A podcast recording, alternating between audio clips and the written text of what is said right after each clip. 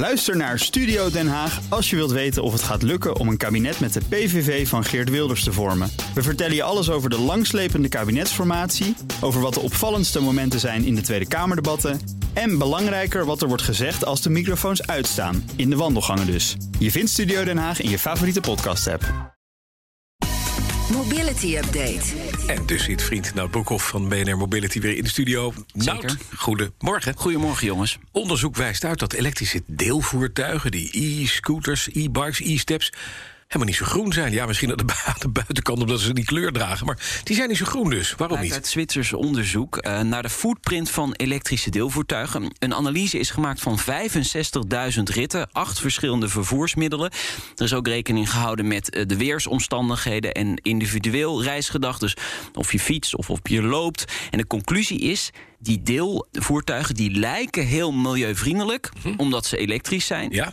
Maar ze zijn het niet per definitie. En de belangrijkste reden daarvoor is dat die deelvoertuigen vaak ritten vervangen die normaal gesproken met het openbaar vervoer worden gedaan. Of uh, waarom de mensen de fiets of uh, lopend, of lopend, Ja, daarvoor kiezen. Ja. Bovendien hebben die voertuigen ook een veel kortere levensduur, omdat ze zo intensief worden gebruikt.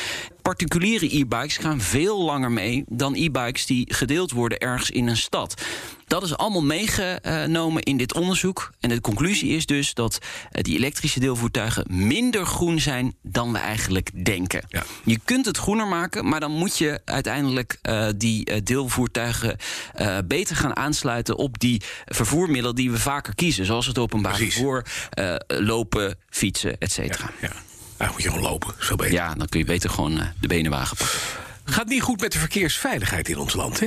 Want er, vallen, Nee. er zijn veel meer ongevallen gebeurd. De ongevalcijfers van de Telegraaf eh, zijn eh, vandaag eh, gepresenteerd. Het aantal ongevallen steeg in 2021 met 8% Het aantal ernstige gewonden bij ongevallen nam met eh, 1302 slachtoffers toe. En er werden ook nog veel meer ongevallen met blikschade gemeld, ruim 68.000. Nou, de politie reageert in de krant en noemt de cijfers verontrustend. Horen we eigenlijk ook al jaren dat het verontrustend is. Maar wanneer gebeurt er nou echt eens een keer iets? Nou, de politie zegt we gaan echt meer handhaven. De pakkans vergroten, dat heeft uiteindelijk wel nut, denk ik.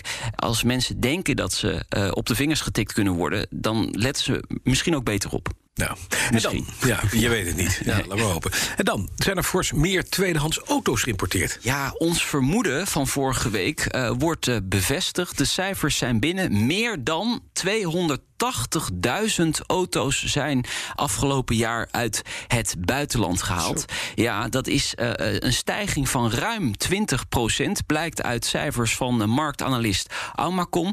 Ja, we hebben het eigenlijk vorige week al kort even besproken. Het heeft te maken met die tweedehandsmarkt voor auto's. De, de, de, het aanbod van goede occasions is schaars in Nederland. Mensen zijn op zoek naar bepaald soort auto's. Die zijn er niet in Nederland.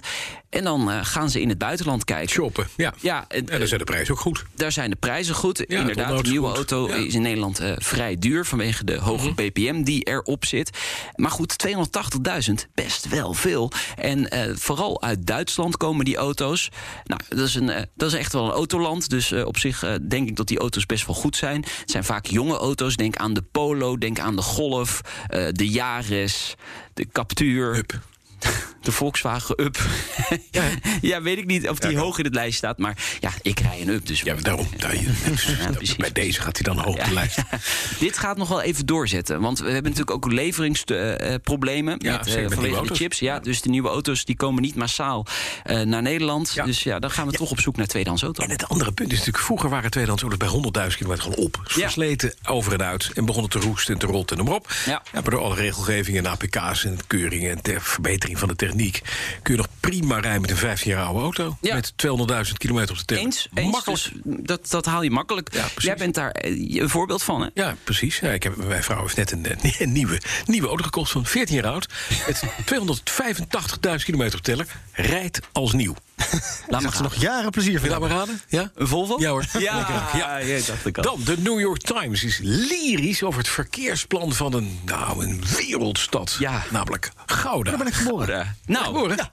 Nee, dan kun jij Zo, dat zo, misschien- als je nu de New dat York Times bijzonder is dat? Dan word je, word, je, word, je, dan word je morgen op de krant geteld. Ja, nou, misschien kun je beoordelen of dit dan klopt. De stad is ideaal voor autovrij bezoek. Dankzij de vele laadpalen voor elektrische fietsen en eh, de goed gemarkeerde fietsroutes. Nou, Iwan, eh, geef je mening. Klopt dit? Ik woon nog een tijdje niet meer, maar als kind ging ik altijd eh, op de fiets naar de middelbare school. Dan moest je over de Karnemelksloot. Dat was één grote gevaarlijke bende daar. Dus er is blijkbaar veel veranderd in de afgelopen jaren. Jij ging weg, alles veranderd. Ja. Ja, ja, precies. Ehm, hiermee staat eh, Gouda op plek 26 van de duurzame reislijst van eh, de eh, New York Times. Dat is toch wel knap dat ze daarin zijn gekomen. Een goed marketingverhaal, waarschijnlijk ook voor, voor Gouda. Gouda. Ja, Gouda. ja. And they make cheese. ja, ik denk dat daar ook wel veel te halen Helpt. valt voor. Ja, precies. Mensen daar even lekker een, kaasje kunnen proeven. Hè? Dat is Gouda, dat is in de, in de province of Amsterdam. Dan, Bugatti brengt een mobiliteitsoplossing. Als ik dat hoor, moet ik wel te gaan lachen. Sorry. Ja, probeer het even niet te-? Ja. Bugatti brengt een mobiliteitsoplossing op de markt. Ja. Een soort deel Bugatti. Nou, eh, het is een elektrische step. Ze gaan eh, een elektrische step op de markt Maar laat maar brengen. gaan. Wat kost die? Dat is dus wel eh, jammer. Dat hebben ze nog niet bekendgemaakt. dat is jammer. Maar het wordt waarschijnlijk wel de goedkoopste Bugatti die je op dit moment kunt Ja, nee, dat, dat is... Wel leuk voor dat is- verjaardagen. Maar het wordt ook de duur, waarschijnlijk de duurste Renault die je kan kopen met een Bugatti-plakketje erop. Ja, dat, nou, is, dat is dan weer het andere verhaal. Zou maar kunnen. Ehm, nee, eh, hij heeft een 700 watt motor. Met, eh, hij is 16 kilogram schoon aan de haak. En je haalt er een topsnelheid mee van 30 kilometer per uur. Nou jongens, ehm, nou ja, de prijs weten we nog niet.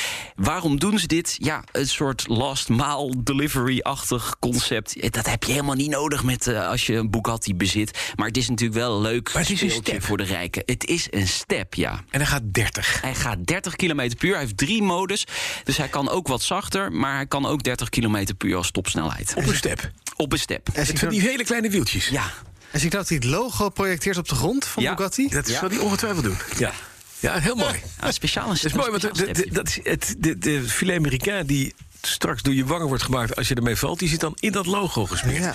Met 30 onderuit met zo'n met een, met zo'n step is niet handig. Maar je hebt wel een step van Bugatti. Ja, dat is waar. Porsche heeft ook zo'n heeft een een een e-bike. Ja, die hebben e-bikes. Ja, dat klopt. Weet je wat die kost? 10.000 Nee. euro. Dat is een fiets met twee wielen. Ja, ze proberen overal is- geld mee te verdienen. En ook zij zeggen, dat is de goedkoopste Porsche die er is. Ja, zo lust ik er nog wel Dus eens. als je binnenkort kan je een Porsche en een Bugatti hebben voor 15.000 euro. Ja, voor 20 wiel ben je helemaal, kan je alles doen gewoon. Zo leuk. Geweldig, dankjewel. Heerlijk. Nou, Broekhoff. BNR Mobility Update wordt mede mogelijk gemaakt door ALD Automotive, Ximo en Mobink. Mobink. Shift Forward. Ook Thomas van Zeil vind je in de BNR-app. Je kunt live naar mij luisteren in Zaken doen, de BNR-app met breaking news, het laatste zakelijke nieuws en je vindt er alle BNR-podcasts, bijvoorbeeld Het Nieuwe Geld. Download nu de gratis BNR-app en blijf scherp.